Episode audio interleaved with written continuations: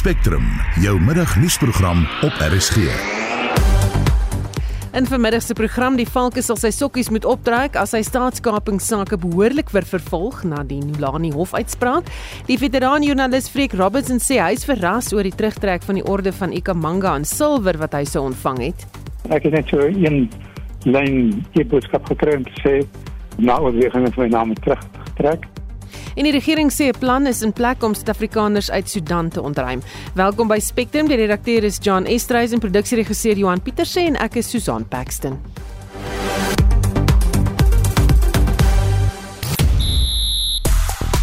In jou sportnuus, Newcastle United klop vir Tottenham Hotspur 6-1. Kommer oor die Springbok kaptein Siya Kolisi se fiksheid en Fab du Plessis skitter met die kolf in die IPL. Op sosiale media word gepraat oor die minister van elektrisiteit Gosienso Ramagopa wat die naweek by die ANC se nasionale uitvoerende komitee vergadering 'n multipunt plan voorgelê het om beurtkrag te verlig en dit is nadat hy vroeër besoek afgelê het by 18 van die land se kragstasies maar energiekenners maan egter dat die plan van die minister niks nuut opgelewer het nie.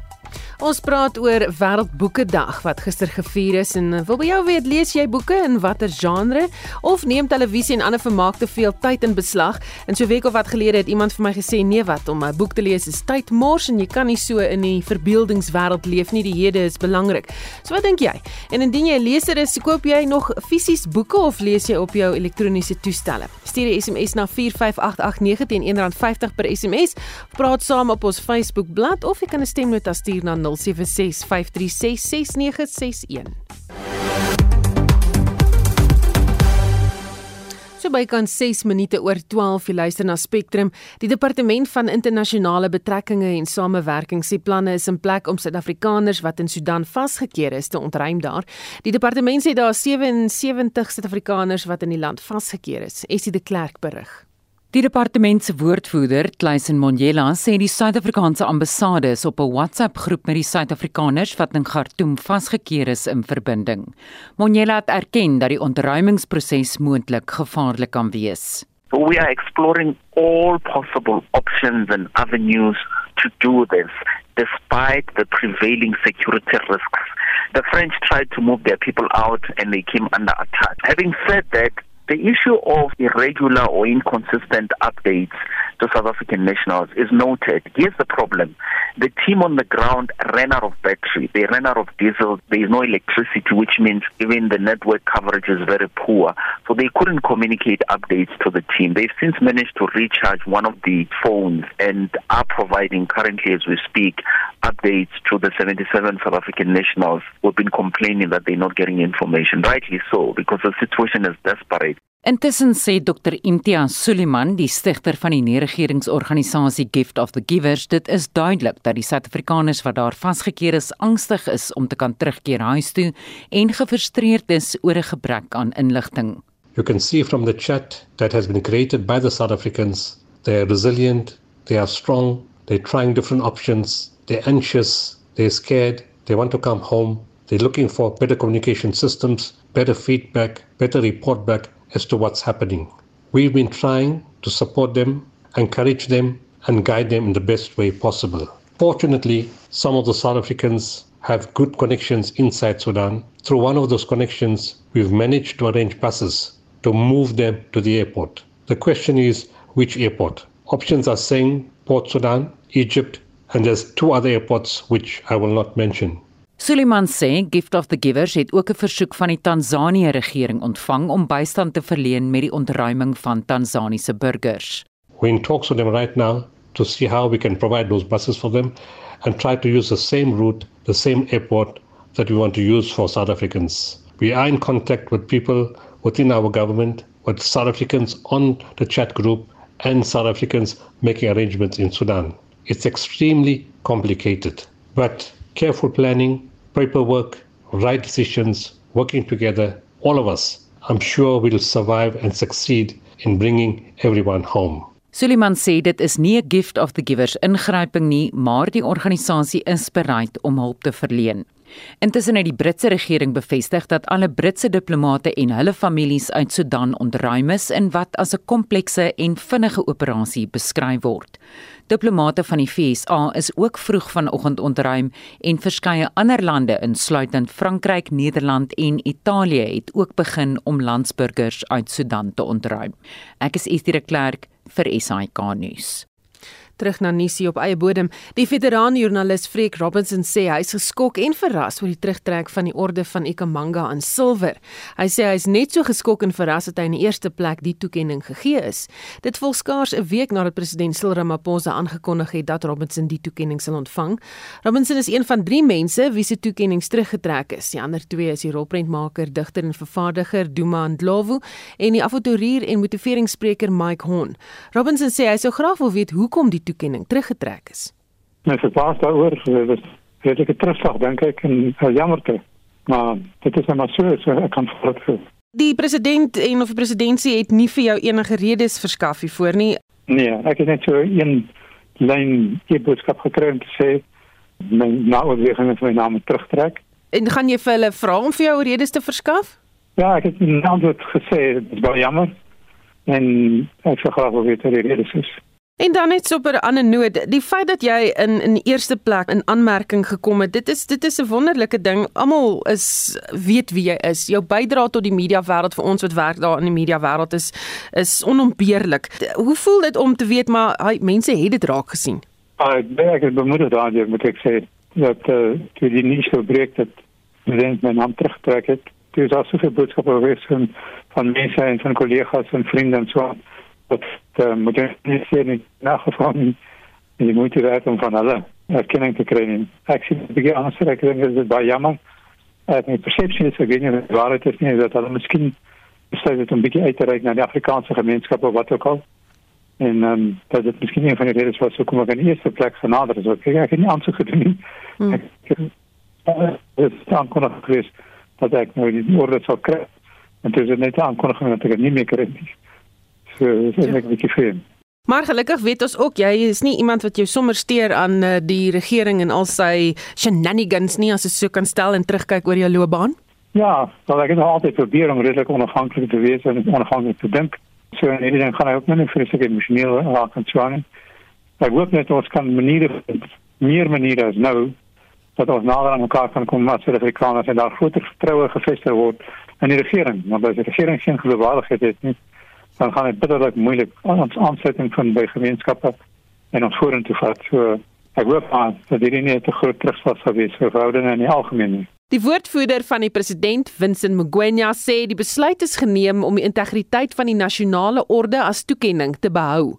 The National Orders Advisory Council will further adopt measures to strengthen the selection process. These measures include a workshop which will be undertaken by council members at the end of April this year. Timelines of the selection process will also be reviewed. En dit was die woordvoerder van die president Vincent Magwenya. Ons praat verder met die politieke ontleder Dr Pieter Mulder hieroor. Goeiemôre Pieter. Goeiemôre Susan. Wat is jou reaksie op die gebeure met hierdie toekenning? Jong sover ek onthou is dit die heel eerste keer dat dit gebeur is. Ek reg is vir die toekenninge gemaak uh, sedert 2002 en ek kan nie onthou dat dit van tevore dit was nie. Nou dis die hoogste toekenninge in die land en die doel is van die begin af en daar's baie gedebatteer daaroor om Suid-Afrikaners te huldig. Met ander woorde nie ANC mense nie of nie mense wat net goedkeurend is vir die ANC nie, maar om oor alle grense heen te gaan. Nou jy sal weet alle openbare figure Dis nou ek en jy ook het mense wat van jou hou en mense wat teen jou is. So daar sal altyd reaksie wees op 'n openbare figuur wat bekend is. En as ek kyk in die verlede wie almal dit al gekry het, is daar baie omstrede figure wat die toekenning gekry het. En wat my wel vies maak wat die onbekwaamheid bevestig. Weet die nominasies het gesluit vir vanjaar 31 Augustus verlede jaar.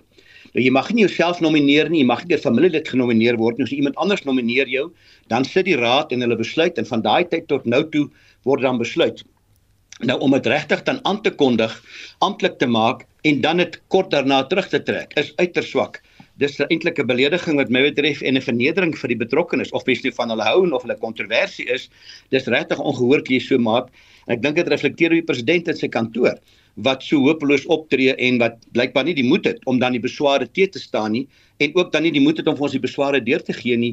Uh, dis regtig baie swak optrede van daai kant af en belediging wat my betref ja. 'n hm. Vreek het gepraat van hy het gedink en half gevoel aanvanklik dit is 'n manier om uit te reik na die uh, jy weet wit Afrikaanse gemeenskap. Dink jy dit was so stap? Dit kan wees dis moeilik ding die ANC so de mekaar mens weet nie altyd nie. Kom ek sê die ANC het by hulle onlangse beraad het hulle besluit om stemme by minderhede soos die Afrikaners vir verkiesing te werf. Dis nou al een van hulle idealistiese drome. Kort daarna het hulle hierdie wysigingswet op rasse tekens aanvaar wat eintlik 'n klap na alle minderhede is wat skielik nog weer bruin wit wat ook al almal 'n klap gee daarmee saam. En natuurlik sal hierdie ook as 'n klap gesien word na dan minderhede of na na daai kant toe. Nou in die verlede het mense, kom ek sê iemand soos Marinus Daling, die ou Sanlambaas, het die toekenning gekry. Ewe de Klerk wat kontroversieel is, het die toekenning gekry. Willie Estreisen van die Universiteit van Stellenbosch wat 'n vriend van Mbeki was, het toekenning gekry. So daar was uitgereik al na Afrikaners. Die laaste ruk is daar bitter min en die laaste ruk as ek die name kyk, dan is dit al meer net ANC's wat ANC soort van beloon. Die gekheid van nog altyd was dat hulle ook mense wat reeds dood is beroon. Nou ek verstaan dit in 'n mate, maar voel Mahatma Gandhi het die toekenning gekry. Hy's nie 48 dood Martin Luther King het dit gekry. Hy het nie die 68 dood, ek weet nie of hy ooit oor Suid-Afrika gepraat het nie. Salvador Allende van Suid-Amerika het dit gekry. En dan begin jy bespotting maak. Ek het op 'n stadium 'n toespraak "Nou wat van Moses? Hy het ook mense uit Egipte uit bevry het en ek wou hy nie ook 'n toekenning kry as jy eers dit begin doen nie. So jy loop 'n risiko om die toekenning te laat afwater of in elk geval beminderhede te bespotlik te begin maak om te sê, "Ag jong, is maar beter jy dit nie kry nie en ek hoop vreek kan so daar tussendeur kom ja." Baie dankie. Dit was die politieke ontleder Dr Pieter Mulder. Die valke gaan sy sokkies moet optrek as sy staatskaping behoorlik wil laat vervolg. Die waarnemende regter in die Hooggeregshof in Bloemfontein, Nompomolelo Gloria Gusha, het behoorlik die ondersoek en het oor die kole gehaal in haar uitspraak in die eerste staatskapingsverhoor wat plaasgevind het. Sy het voordat sy al 8 aangeklagtes vrygespreek het gesê dit is 'n onderbeklemtoning dat die ondersoekbeampte, luitenant-kolonel Mandla Motolo, se hantering van die ondersoek betreurenswaardig was. Pieter Tabete, die voormalige LER vir landbou, Nivea Ragavan en uh, Island Site Investments waarvan Atul en Rajesh Gupta direkteurs was. Sy Pati Dlamini, voormalige finansiële hoof van die departement en Iqbal Sharma en Swar Danesh Patel is onskuldig bevind in die Nulani bedrog saak van sowat 24,9 miljoen rand. Ons praat nou met die regskenners verbonde aan Universiteit Pretoria, Llewellyn Kloos. Goeiemôre Llewellyn. Goeiemôre Susan. Wat voorspel die uitspraak vir komende sake wat verband hou met staatskaping dink jy? Wel die woord tragedie kom by my op. Ehm um, ja, dis nie goeie nuus nie. Dis nie goeie nuus vir die Suid-Afrikaanse publiek nie want eh uh, tereg het die regter opgemerk dat uh, daar duidelik sprake was van 25 miljard uh, miljoen rand se eh uh, belastinggeld wat iewers verlore geraak het maar eh uh, klaar blyklik nie verklaar kan word deur die nasionale vervolgingsgesag waarheen daardie geld gevloei het nie. Nou in 'n netedop in hierdie uitspraak van 39 bladsye wat so 120 paragrawe uh, weet behels het, het die regter baie duidelik gemaak dat hierdie een groot gemors was uh om dit ligtelik te stel. Met ander woorde, die die vervolgingsgesag soos bygestaan natuurlik deur die ondersoekspan van die SA PS, die polisie het nie hulle werk gedoen nie. Daar is nie behoorlike getuienis ingesamel nie. Van daardie opmerking dat sy soms genoem het dat daar geen getuienis was om hulle te verbind met die misdade nie. Nou net om dit in perspektief te plaas vir die wat nie weet nie, om met 'n artikel 174 ontslag te slaag aan die uh, einde van die staatssaak. Met ander woorde nog voordat die verdediging sy weergawe op die hofrol uh, voor die hof geplaas het. Ehm um, jy weet is is eintlik baie is is 'n baie baie lae kom ons noem dit nou maar hekkie waaroor die staat moet kom uh uh om om om voort te gaan met die saak en hulle kon nie eers daardie la hekkie uh uh jy weet uh, bewysregtelik by uitkom nie. Nou dit sê vir jou hoe swak was die saak van die staanspoort. Hmm. Soveel so dat die regter op 'n stadium woorde gebruik het soos a comedy of errors. Met ander woorde, een groot uh komedie van foute wat in die staat se saak uh te bespeer was. Ehm um, daar is verwys na Afrika uh gesegde soos Houston Harry can only uh, bear children with many regrets along the way. Met ander woorde, dit is dit suggereer die die die die hof se ehm um, jy weet se se se se woorde wat gebruik is om te beskryf tot hoe swak die saak eintlik was wat voor die hof gebring is. En as dit enigsins 'n aanduiding is van toekomstige vervolging van staatkapingsake. Ek praat nie eers van die debakel rondom die moontlike uh appel wat dalk uh vir die Gupta's daar in die Verenigde Arabiese Emirate in die vooruitsig gestel word nie, dan dan het ek slegte nuus. Uh dit kos die belastingbetaler al miljoene rande net aan staatskaping tot op hede. Die ondersoek van van uh, die Zondo-kommissie nog 'n klomp astronomiese bedrae geld. En nou sit ons met 'n vervolgingsgesag wat nie eers daardie sake suksesvol kan vervolg nie, wat natuurlik nog belastinggeld daarstel. So ek is ek is jammer om te sê, ehm um, ek voorspel niks goeds wat voort kan spruit vorentoe nie. Hmm. Was die aanvanklike inhegtenisneming van die mense net vir die skyn of was daar werklik 'n saak teen hulle? Wel praat jy van die Guptas of praat jy van die 7, 8 beskuldigdes wat in hierdie spesifieke saak in die Hooggeregs of Vrystaat reggestaan het op die klagtes van geldwasery en dis meer. Want ons onthou ons moet onderskei hierso. Hierdie is maar een van baie sake wat ondersoek word. Uh maar uh, ek ek dink nie mense kan sê dis 'n skyn dit deur hulle net te arresteer nie want ek meen uh aan die einde van die dag moes die vervolgingsgesag tog voorsien het dat hierdie natuurlik in die in die publiek sal uitkom dat die media daarvan te hore gaan kom en dat daardie getuienis in die hof aangehoor gaan word. So ek dink dit sal 'n baie kortsigtige uh, uh, uitkyk van die vervolgingsgesag wees om uh om dit net as 'n uh, kom ons noem dit nou maar oorverblindery dan voor die uh, publiek uh, te bewerkstellig as dit is wat hulle wou gehad het. Ek dink nie dis die geval nie. Ek dink dis net 'n geval van ons vervolgingsgesag en die kwaliteit mense wat die ondersoekwerk doen het so verswak die laaste dekade of 2 dat dat dat hulle nie in staat is om doeteenvoudig die uh die vloei van geld wat eintlik klaarblyklik 'n redelike eenvoudige oefening behoort te wees want alles is op papier daar's tog bankrekeninge wat nagesvoors kan word en ons weet waarheen geld vloei. Ek meen daai dokumentêre getuienis is beskikbaar. Maar dit gaan oor die kwaliteit daarvan en die aanbied daarvan en die ketting van daardie getuienis. En dit klaarblyklik ehm uh, kon nie die toets van die tyd deurstaan in die hof nie. En uh soos ek sê ek herhaal wat ek van tevore genoem het en dit is dood eenvoudig. Dit voorspel niks uh goeds vorentoe nie Hmm. En so laaste vraag, sal mense soos Iqbal Sharma wat deel was van die saak nou byvoorbeeld hulle bates terugkry? Ja, by by uh by implikasies sal ek nie verbaas wees uh dat daardie bates nou moet vrygestel word nie. Uh die verdediging gaan verseker 'n uh, 'n uh, aansoek bring as die staat dit nie vrywillig doen nie om te sê maar julle kon nie 'n suksesvolle vervolging bewerkstellig nie. Met ander woorde, julle kon nie bewys dat hier van geldwasery betrokke uh, sprake was nie. Ehm um, derhalwe uh moet ek die voordeel van die twyfel kry en moet daardie bates onmiddellik vrygestel word en my teruggegee word. So definitief uh is die reperkusies wat ook uit daardie batebeslaglegging voorspruit. Hoewel dit 'n duidelike verskillende bewyslas is wat natuurlik ter sprake is, uh in 'n strafsaak is dit boorredelike twyfel in hierdie tipe van verrigtinge omdat dit mosieverrigtinge is, uh meer soveel regtelik van aard is dit doeteenvoudig 'n oorwig van waarskynlikheid, maar dit gesê uh jy weet as hof bo redelike twyfel nie daardie bewyslas ehm um, uh van seker was nie dan dink ek ook uh, dit is van selfsprekend dat die gevolge ook die vrystelling van daardie bates gaan bewerkstellig. Baie dankie dit was die regskenne verbonde aan Universiteit Pretoria Louwelen Kloos. Mense moenie ontmoedig word deur die uitspraak van 'n hofsaak onlangs om Eskom te keer om beerdkrag op die Vrystaatse dorp Frankfurt af te dwing nie.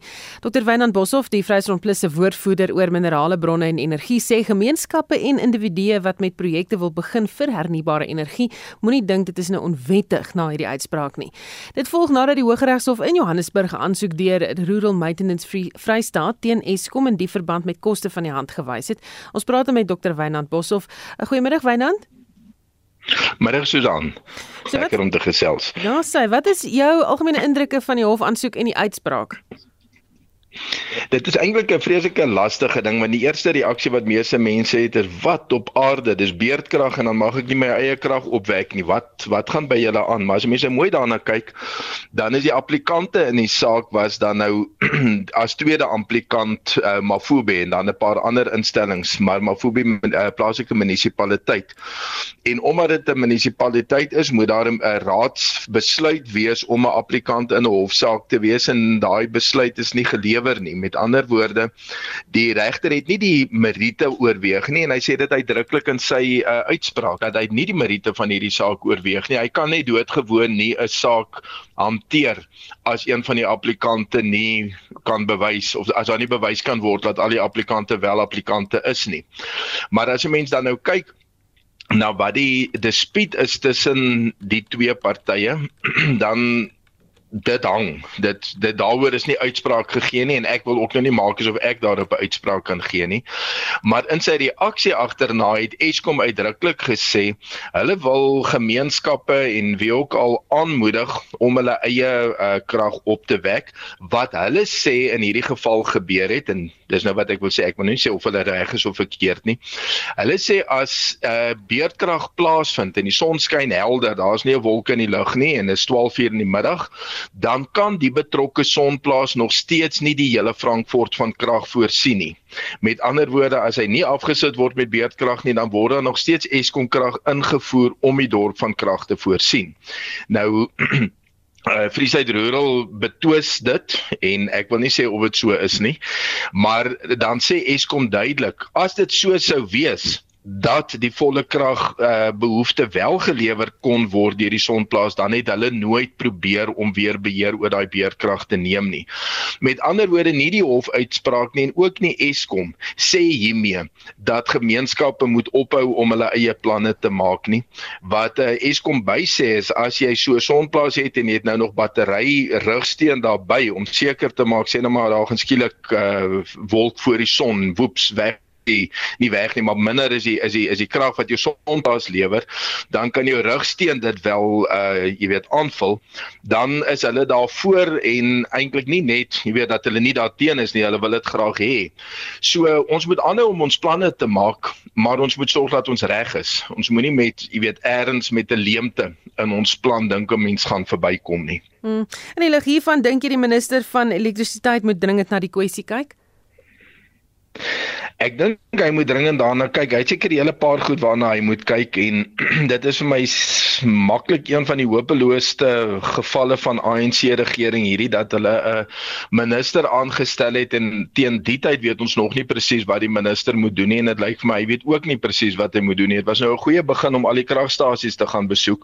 Maar sedertdien moes hy dan seker nog iets gedoen het, maar daarvoor uh wag ons nog ek dink dit is ooglopend dat uh, Eskom het hierdie monopolie nog altyd gehad wat uh, niemand laat gaan graag 'n monopolie nie. Maar hy is nie in staat om om die prestasie te lewer wat van 'n kragmonopolie verwag sou word nie. En uh, gemeenskappe wat op hierdie kapitaalmonster en die bestuursvernuf en alles om dit te doen moet eenvoudig aangemoedig word en en dit behoort die grondslag te wees waarop die um, elektrisiteitsminister se hele plan bou Baie dankie. Dit was Dr. Wynand Boshoff, die Vryheidsfront Plus woordvoerder oor minerale bronne en energie. Nou soos jy pas uh, in die nuus gehoor het, Gerard Ackermann is skuldig bevind op verskeie van die 740 aanklagte in die seksmisdaad en mensenhandel voor teen hom. Uitspraak is in die Hooggeregshof in Johannesburg gelewer. Die voormalige senior advokaat Paul Kennedy is ook by die saak betrek, maar is intussen oorlede. Ons praat nou met ons verslaggewer daar, Paul Mgubani. Good afternoon, Paul. Good afternoon. What was the judgment? Well, uh, out of the 740 charges that Ackerman was facing, he has been found guilty of uh, 728 charges, and uh, these include uh, the rape of minors, uh, human, his role in the human trafficking of the children, and also, you know, uh, benefiting from any transactions that these children made to paying clients. And what did the judge say in his judgment? Well, basically, he just said that, uh, you know, Ackerman lied throughout this uh, case, his testimony, you know, uh, when he took the stand under oath, and he found that very shocking. And, uh, you know, he did not admit to the fact that he was actually trading these kids off, and he actually called him a pimp, saying he pimped the kids out uh, to paying clients, and he was not ashamed of it. And he also emphasized that in the role that Paul Kennedy played in this whole uh, child rape ring, saying that he might have committed suicide when he knew that you know his game is up, and there was shame brought to the the justice fraternity his, uh, as, a, as an advocate. You know that's why he took the easy way out. But he does say he played a vital role in financing, you know, uh, his uh, Ackerman's homes and other expenses and paying for the kids, you know, saying in text that, you know, he wants specific children to perform certain things and therefore his role can never ever be ignored in the whole thing. What was the atmosphere like inside and outside the court? Well, the court was packed to capacity, mainly uh, supporters of, uh, you know, activists, women and children activists. And, uh, you know, they welcomed the judgment actually saying that they knew this is where it was headed. We have people from Women and Men Against Child Abuse who were sitting through the trial from the beginning. And they said this was no surprise, but they just hope that it must come to a finality so that the victims themselves begin a process of healing. And we're only going to hear the sentencing on the 18th. Well, the proceedings will start on the 18th of, of July because uh, Ackerman's uh, legal representative asked for psychological evaluation just before the sentencing can happen. And when will Ackerman be sentenced? The proceedings are going to start on the 18th of July, and it's, it's three days that have been set aside. So 18, 19, and 20 July will be dedicated to the sentencing. Baie dankie ons het gepraat met ons verslaggewer Paul Makubani. Jy luister na Spectrum op RSG. Later in die program die eerste ronde van salarisonderhandelinge tussen Eskom en uh, werkersvakbonde loop op 'n dooie punt uit en dis die eerste keer in 20 jaar dat 'n president van Finland 'n staatsbesoek aan Suid-Afrika aflê, bly ingeskakel hier op RSG.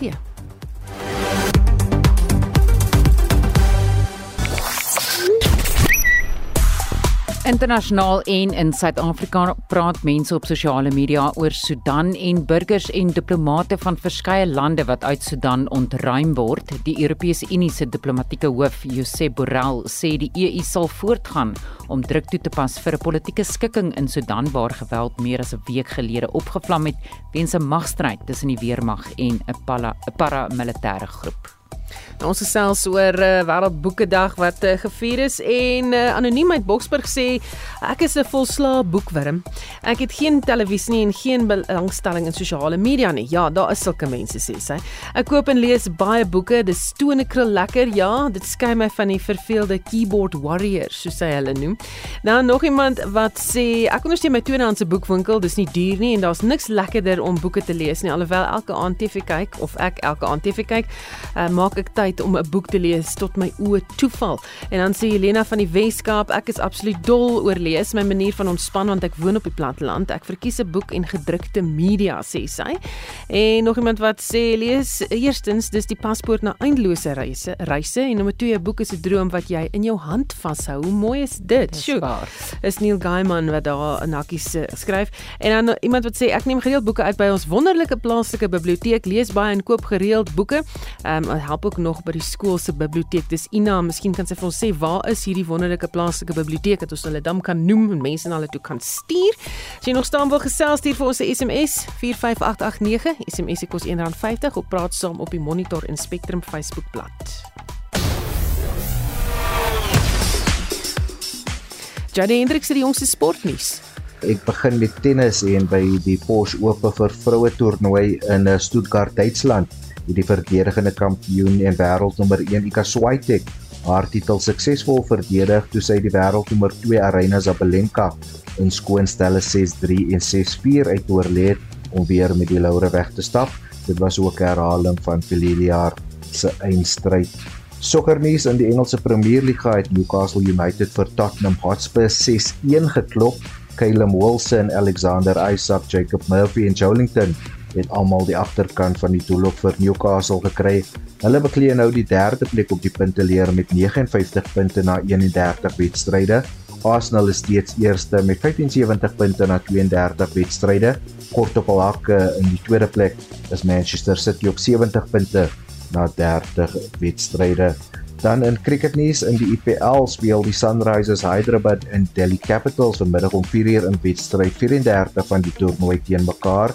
Gister het die voormalige Protea kaptein Faf du Plessis sy 5de 50-tal in 7 wedstryde aangeteken en ook die 400 lopie kerf verbygesteek toe hy 62 lopies van 39 balle geboker het om die Royal Challengers Bangalore te help om die Rajasthan Royals met 7 lopies te klop. Die span van Bangalore het eers gekolf en 189 vir 9-0 beurt aangeteken en toe die Royals tot 182 vir 6-0 beurt beperk. In golfnuus het Jaco Alers by die Tour Kampioenskap op Serengeti vir drama gesorg toe hy in die finale ronde sy ploffel uit die sandkuil vir 'n voeltjie ingeslaan het om die toernooi met 4 houe te wen. Dan laastens rugby nuus, die Stormers, Bulls en Sharks het almal die naweek vir die uitspelrondes van die Verenigde Rugby Kampioenskap gekwalifiseer. Die wedstryde sal die naweek van 6 Mei plaasvind en die Sharks kan in 'n wegwedstryd teen Leinster te staan kom en die Stormers en Bulls gaan mekaar in Kaapstad pak. Daar is egter kommer oor die Springbok kaptein Sia Kolisi se fiksheid. Hy het 'n ernstige besering in die Sharks se wedstryd teen Munster die naweek opgedoen en sal die week toets ondergaan om te bepaal wanneer hy weer sal kan speel. Jody Hendricks vir RSG Sport. Die vakbonde NEM, Nomsa en Solidariteit het Eskom se loonaanbod van 3,75% verwerp. Die eerste ronde van salarisonderhandelinge tussen die kragvoorsiener en werkersvakbonde het Vrydag op 'n dooiepunt uitgeloop. Vir meer hieroor praat ons nou met die vakbond Solidariteit se hoofsekretaris Gideon Du Plessis. Goeiemiddag Gideon. Middag Susan. Wat is julle looneise aan Eskom? Seisoen um, van solidariteit se kant af vir ons vir 'n verhoging van net bo die VPI en ons het dit nou uiteraard gemotiveer uh, dat die inflasie gedeeltes in die inflasie mandjie wat die werkers meeste raak is ver bo die 7.1% en dan wil ons graag 'n langtermyn ooreenkoms sluit. Nie 'n eenjarige ooreenkoms nie. Die behuisingstoelaag sal ons ook dan graag wil verhoog. En dan al die ander ehm um, toelaag ook met dieselfde persentasie wil verhoog wat redelik konstant gebly het as as as die uh, verhoging wat ons gaan kry. So ons het 'n baie beknopte stel ehm um, eise natuurlik die NUM en en Nomsa het 'n geweldige lang uh, inkooplys wat hulle na die tafel toe bring en onder, onder andere 15% loonverhoging. So dit maak die onderhandelinge uiteraard baie kompleks en dan noem en Nomsa wetywer ook teen mekaar om lede so so posisioneer hulle self. So dit is eintlik 'n geweldige komplekse onderhandeling saam met al die ander kompleksiteite wat so salaris onderhandeling normaalweg bring. Hmm. Nou die tesourier het uh, egter aan Eskom gesê om opdrag gegee dat hy nie 'n loonaanbod mag gee wat hom verder in die skuld gaan dompel nie want hulle moet hulle skuld onder beheer kry. Dink jy hulle gaan enigstens meer of hoër kan gaan met die loonaanbod? Wel Suzon, dit dit is juist die rede hoekom ons die 3.75 verwerp het. Een ons het absoluut uh, dankbaarheid dat hulle 'n openingsaanbod gemaak het wat hoër is as vir hierdie jaar se 0%. Ehm um, en dit is 'n redelike aanbod om mee te begin werk. Die probleem is hoekom ons dit verwerp het. Ehm um, eenkant dit is maar die ou posisionele bedingingsmodel dat die vakbonde begin met 'n redelike hoë aanbod en die werkgewer begin met 'n redelike lae uh, aanbod en dan nog op die ou ende probeer ons mekaar ergens in die middel vind. Maar wat hier verkeerd geloop het verlede week is die normale ritme van 'n onderhandeling is dat die werkgewer sal 'n aanbod maak en dit dan uh, deur 'n aanbieding en deur finansiële uh, inligting ensovoorts dit dan motiveer wat Eskom nie kon doen nie. Hulle was so onvoorbereid in die onderhandelinge. Dit het eintlik met die spanning verhoog want toe sê hulle nee maar die aanbod is 3.75 maar hulle sal oor 2 weke kom motiveer want ons wil met ander woorde weet wat was Nersa se toekenning byvoorbeeld rakende salarisverhoging? Wat was die tesourier se reddingsboei? Wat wat is in daai spesifieke dokument? Dan rakende die skuldlas. Ons weet die skuldlas is baie hoog. Die reddingsboei wat se gedeelte gaan dit dek? En dan tweedens wat is hulle plan om die skuld in te vorder van Senema Soweto ensovoorts? En hulle kon nie daai antwoorde gee nie want hulle was regtig onvoorbereid geweest en in as gevolg van die onderhandelingsmodel wat gevolg word en dan natuurlik Eskom wat nie heeltemal voorberei was net ons gesê maar goed ons kan nie die aanbod aanvaar nie. Ons het wel ons eise gaan motiveer deur 'n aanbieding te doen rakende VPU en al die inligting. So dit was eintlik nie 'n goeie begin gewees vir die onderhandeling nie. En wanneer gaan salarisonderhandelinge voortgesit word Dit is aan die 8ste, 9de uh en die 10de Mei met die hoop dat een Eskom beter beter voorberei gaan wees en twee hulle al die aanbiedings gaan doen en die inligting wat ons gevoor sal vra en dan dit is die tweede ronde van onderhandelinge en dan die 24, 25, 26 Mei is die derde ronde van onderhandelinge. So dis 3 rondes van 3 dae elk wat ons nou maar hoop om 'n om 'n skikking te bereik, maar op hierdie stadium moet ek sê die spanning is nogal hoog rondom die onderhandelingstafel. Dis uiteraard nie in belang van die land dat dit nie goed verloop nie, maar ons uh, het ook gesprekke aangevra met Eskom se uitvoerende bestuur en so met hulle voorsitter dat ons net onder hulle aandag kan bring dat die regte atmosfeer word nie geskep waar binne ons met onderhandel nie en en hopelik word dit reggestel met die tweede ronde van onderhandelinge. Baie dankie. Dit was Gideon Du Plessis van die vakbond Solidariteit, hy is die hoofsekretaris daar. Die druk op huishoudings se finansies word net al erger. Dis volgens die jongste Altron Fintech Indeks vir huishoudelike finansiële standvastigheid. Die indeks toon wel dat huishoudelike finansies se veerkragtigheid in die 4de kwartaal van 2022 toegeneem het met 1,4 indekspunte. Ons praat dan met 'n ekonomiese raadgewer van die Optimum Beleggingsgroep, Dr. Rolof Botha. Goeiemôre Rolof. Goeiemôre julle. So hoe het hierdie indeks vertoon? Wel op 'n kwartaal-op-kwartaal basis het hy effentjies uh, gestyg. 1.4% is niks om oor hy so te skryf nie. Uh, maar op 'n jaar-op-jaar basis het hy met 1.1% gedaal. En dit is glad nie verbasend nie want die indeks uh, 'n uh, hele paar van die kernaanwysers as 20 ehm um, dit is 'n samengestelde indeks wat uit 20 verskillende ekonomiese aanwysers bestaan en die die uh, heelwat van hulle het negatief gedraai die oomblik toe die Reserwebank se monetêre beleidskomitee rentekoerse begin uh, begin uh, opskuif het. En uh, het huishoudings al herstel van die invloed van die pandemie? Uh, nog nie heeltemal nie. Ehm um, as mens kyk na die uh, vergelykbare kwartaal, die 4de kwartaal van 2019, ehm um, voor die pandemie, dan is hierdie indeks nog 1% af, maar uh, oor hierdie tydperk uh jy weet dit is uh op 'n gemiddelde jaarlikse basis kan 'n mens maar amper sê dat ons is min of meer waar ons was 3 jaar gelede. Ehm um, uh, eintlik 4 jaar ja, omtrent 3 jaar gelede, vierde kwartaal 2022, maar dit is nie goed genoeg nie. Uh jou gemiddelde Afrikaanse huishouding behoort te midde van uh 'n stygings in diensname 1.4 miljoen werksgeleenthede volgende jaar uh behoort hulle beter daarin toe te wees, maar die gemiddelde salaris het gesak. Uh, en dis nogal interessante bevinding is dat die gemiddelde salarisse die laaste jaar in Suid-Afrika vir alle beroepe, informele sektor ook, met R2000 'n maand teruggesak. Maar mense betaal natuurlik baie meer op hulle skuld. So die Reserwebank plaas die verbruiker nou in 'n knyptang. Mm. Ek is seker 'n klomp luisteraars eh, kan knik nou hulle koppe en sê ja, ek het ten minste R2000 minder in my sak. Ehm um, sê vir my eh, die die dit is nou die 4de kwartaal se statistiek gewees. Het die indeks nie net beter vertoon wees die feit dat dit Desember was en dan bestee mense nou gewoonlik meer nie.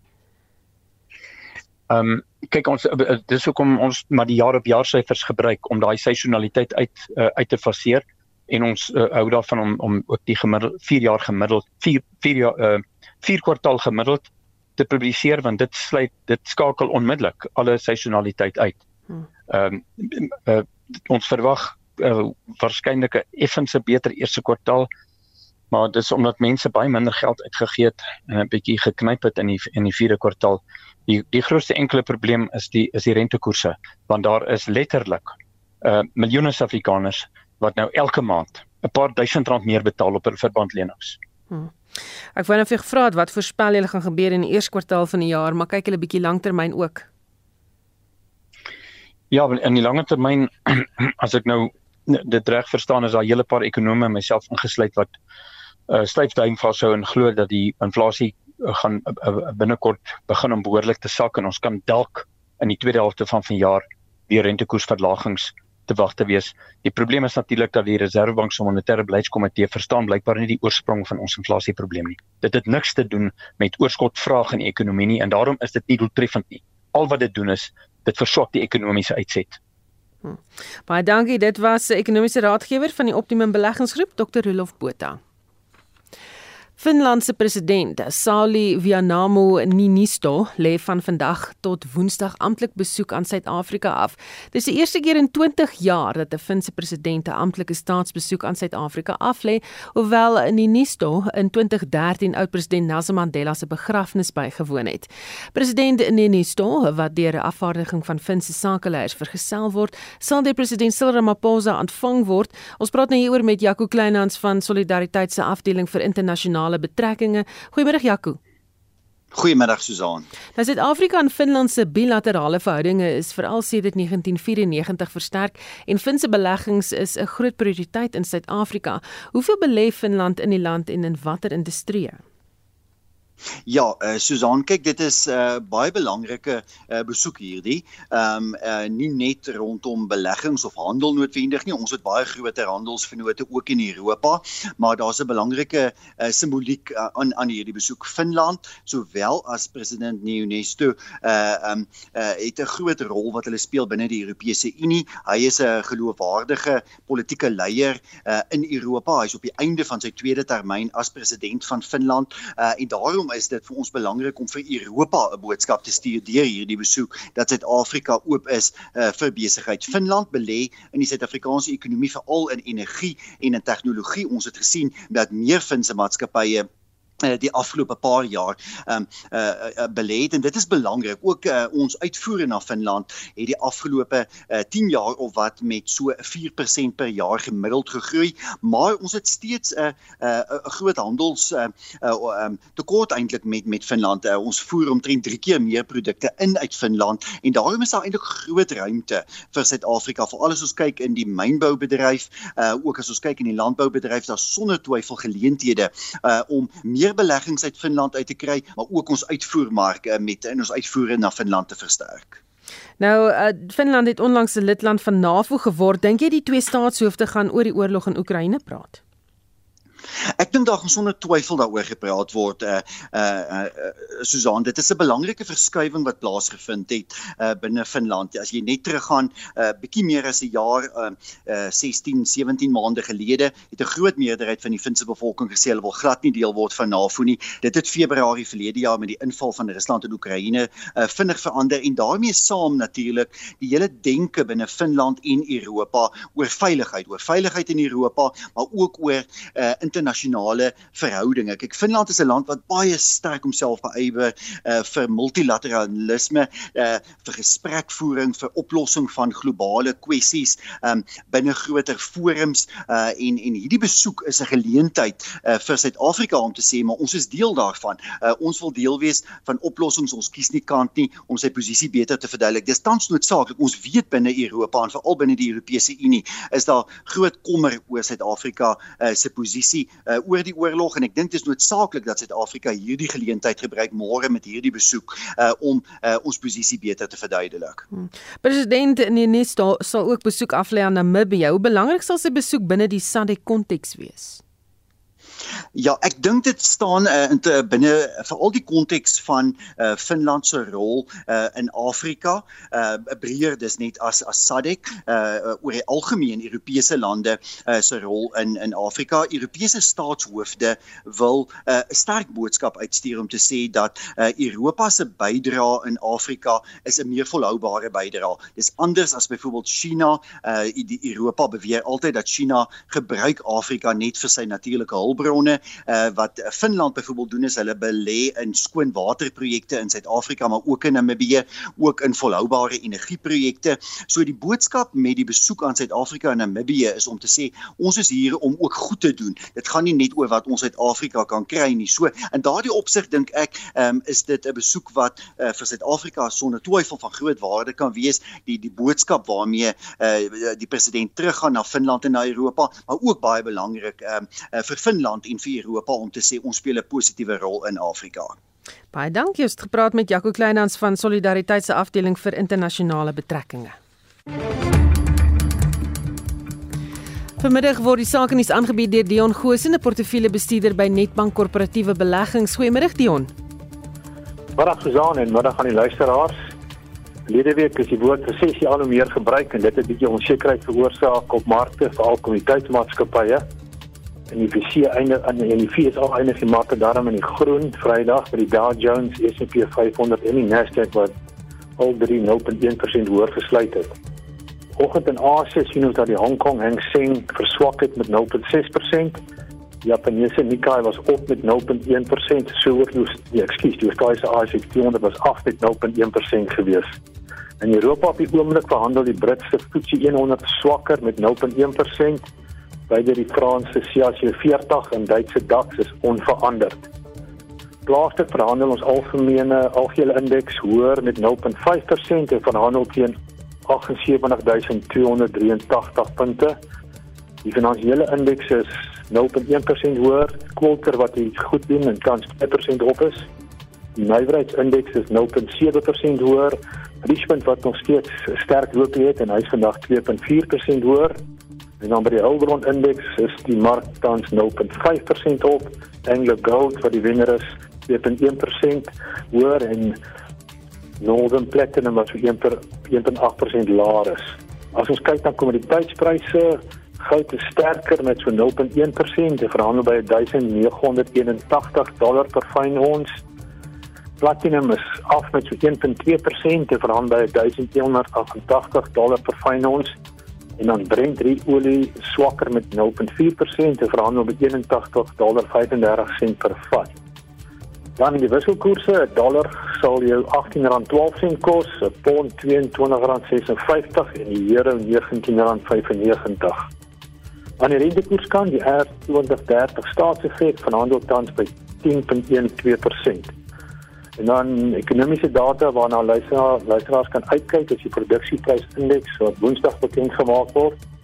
Ons verwag 'n verlaging na 11,8% van die vorige 12,2% en dan ook die private sektor kredietsyfers wat behoort te verlaag van 8.3% na 7.6% weens die hoë rentekoerse en inflasie in Suid-Afrika. Dankie. Dis dan die einde van die sake nuus. En dit was Dion Gosene, portefeuljebestuurder by Netbank Korporatiewe Beleggings. 'n Senior amptenaar of senior amptenare van die BRICS-lande en spesiale gesante van die Midde-Ooste en Noord-Afrika vergader oor die volgende 3 dae in Kaapstad. Volgens die Departement van Internasionale Betrekkinge en Samewerking sal vredesamesprekings in die Midde-Ooste bespreek word. Ons verslaggewer Zelin Merrington woon die verrigtinge by en ons praat nou met haar. Goeiemôre Zelin. Middag Susan. So daar's 'n aantal spesiale gesante en amptenare van die eh, Mina streek wat uh, vir die of wat vir die vergadering genooi is. Watter lande is teenwoordig? Hmm. Ehm um, al die BRICS ehm um, vennote was hier gewees uh, Susan behalwe die van Brasilië. Hulle is nie vandag teenwoordig nie. Hulle het virtueel die vergadering bygewoon. Maar blykbaar sal hulle nou van Woensdag af ehm um, hier wees wanneer alle adjunk uh ministers van internasionale betrekkinge die vergadering gaan bywoon waar hulle nou bilaterale besprekings gaan hê oor onder andere ehm um, uh alle kwessies wat die Midde-Ooste en Noord-Afrika raak en in besonder as 'n uh, luisteraar dalk wonder hoekom uh, ons nou dit bywoon is omdat hy die Midde-Ooste en Noord-Afrika speel nog 'n baie belangrike rol ehm um, in energie uh, verskaffing soos olie en gas en um, dit is ook hoekom ehm um, behalwe nou vir die konflik wat uh, moontlik ehm um, jy weet probleme vir Suid-Afrika kan inhou is ons ook ehm um, nogal uh, kyk ons ook uit vir hulle ehm um, die feit dat hulle energie kan verskaf aan Suid-Afrika. Wat het amptenare tot dusver bespreek? Ons was net toegelaat um, vir die openingssessie Susan wat maar baie kort was uh, waar almal nou 'n soort van openings ehm um, 'n uh, paar openingslyne ge, gemaak het, openingsbesprekings gemaak het en ehm um, hulle gaan vandag een van die baie belangrike items op die agenda is die konflik wat bespreek gaan word in Sudan. Dit is ehm um, 'n kwessie van ehm um, die die konflik daar is is 'n kwessie van belang vir alle BRICS vennote en ehm um, in besonder natuurlik sê hulle ook dat daar moet uh, so gou as moontlik ehm um, gewerk word daaraan om ehm um, vrede te bewerkstellig in Sudan omdat dit besig is om 'n humanitêre probleem ook te ontaard. So dit is hoog op die agenda vir hierdie bespreking en ehm um, moontlik is daar weer 'n uh, media ehm um, ehm uh, praat hulle later weer met die media. Hoopelik ehm um, Woensdagoggend môre is besprekings glo ook gesluit vir die media. So ehm um, hoopelik weer teen Woensdag sal ons meer weet oor die besprekings wat hulle bespreek het en of daar enige besluite geneem is. Baie dankie dit is ons verslaggewer in Kaapstad, Celine Merrington. Die ANC het verskeie voorstelle om te help om wanfunksionele koalisieregerings te stabiliseer. Daar staan 80 onbesliste munisipale rade wat uit die 2021 plaaslike regeringsverkiesing voortspruit. Van die munisipaliteite se burgemeesters is verwyder deur middel van mosies van wantroue. Dit het weer 'n gebrek aan dienslewering tot gevolg. Die ANC sê egter hy het 'n oplossing vir al hierdie probleme en Estie de Klerk doen verslag. Koalisieregerings word as 'n moontlike oplossing beskou om bestendigheid te bring, maar die ANC sê dit is 'n uitdaging vir die demokrasie. Ten minste 80 munisipaliteite wat deur koalisieregerings bestuur word, spook om basiese dienste te lewer. 'n Lid van die ANC se nasionale uitvoerende komitee, David Makura, sê die ANC het verskeie riglyne vir koalisieregerings. In the executive committee system is democratic, is based on the will of the people. It's proportional to the electoral outcome. So any party that has been able to receive substantial support is able to get represented. We think that system is more democratic and it is the system that we are considering at the NEC that in all our hung municipalities we should introduce the executive committee system. So that is going to help us address a lot of weaknesses. Makura sê die probleem met koalisieregerings is dat daar geen wetgewing is wat bepaal hoe koalisies bestuur moet word nie. Most of the instability in our municipalities also basically stem out of this game plans. The parties changing today, the following parties agree, and the following week or the following month, a portion of the, the coalition has broken away. It no longer agrees with these ones. It's now working with the other. And then what does that do? A new coalition comes in. We cannot run development and service delivery with that degree of instability. So the ANC is also considering the introduction of legislation, and this will enable us also to ensure that uh, where there are coalition agreements, they are subjected to some legal authority, they are binding on coalitions. Hy sê nog 'n oplossing is om bepalinge vir koalisieregerings te stel wat gegrond is op die hoeveelheid steun wat 'n spesifieke party tydens die verkiesing behaal. There is no threshold about what level of electoral support will qualify you to earn a seat in a council or even earn a seat in the executive. So one of the important area of the research done by a member of our team was to look at international experience on threshold where you have coalitions and you have threshold they tend to lift the bar they tend to raise the level of obligation and parties that have substantial demonstrable electoral support then get represented and they have an obligation basically to the citizens they can't just behave any other how. Makura sê koalisieregerings kan demokrasie ondermyn. Hy meen die party wat die meeste stemme kry, moet bepaal wie die koalisie lei.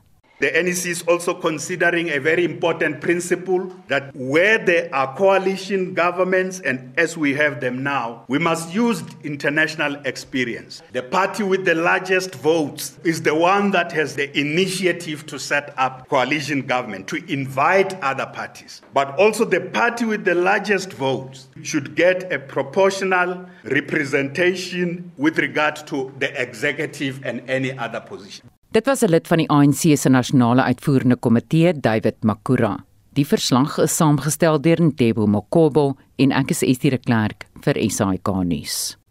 Die fondsbestuurders van die Weermag mediese skema het ontken dat hy enige veranderinge aangebring het aan die mediese voordele van afgetrede lede. Dit nadat die Suid-Afrikaanse Nasionale Weermag en die SANHU die fonds tot verlede Vrydag gegee het om die veranderinge reg te stel.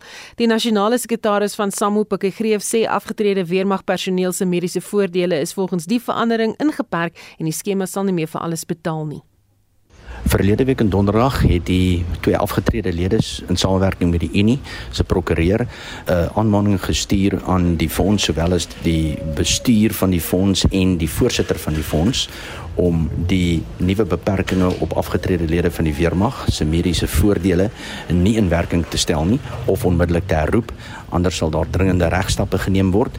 Die enigste reaksie wat ons daaruit ontvang het is dat daar vir ons prokureurs deur die bestuur van die fonds geskryf is en gevra is dat ons prokureurs moet aandui watter beperkings word beweer op die fonds ingestel te wees. Nou ons het daarop dadelik aan die bestuur teruggeskryf dat hulle gerus hulle eie webblad kan gaan raadpleeg waarop die betrokke veranderinge en beperkings baie duidelik uiteengesit is en aangekondig is.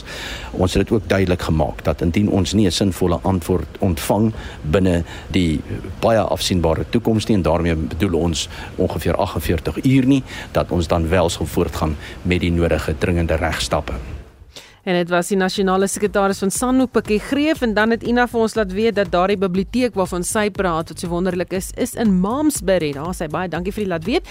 En nog iemand het gesê ons het 'n pragtige biblioteek in Albertina. Ons neem gereeld boeke uit en die personeel is baie vriendelik. En dan nog 'n luisteraar wat sê, "Ooh, die biblioteek in die Parel, dis 'n wonderlike biblioteek. Dit doen ook baie vir die gemeenskap." Dankie vir die saamgesels vanmiddag. Dit was uh, inderdaad interessant om al ons stories te lees oor die boeke. Ons groet ons namens uitvoerende regisseur Nico Jolien de Weer, die redakteur John Estreisen en die produksieregisseur vandag Johan Pieterse. My naam is Susan Paxton en bly ingeskakel vir 360.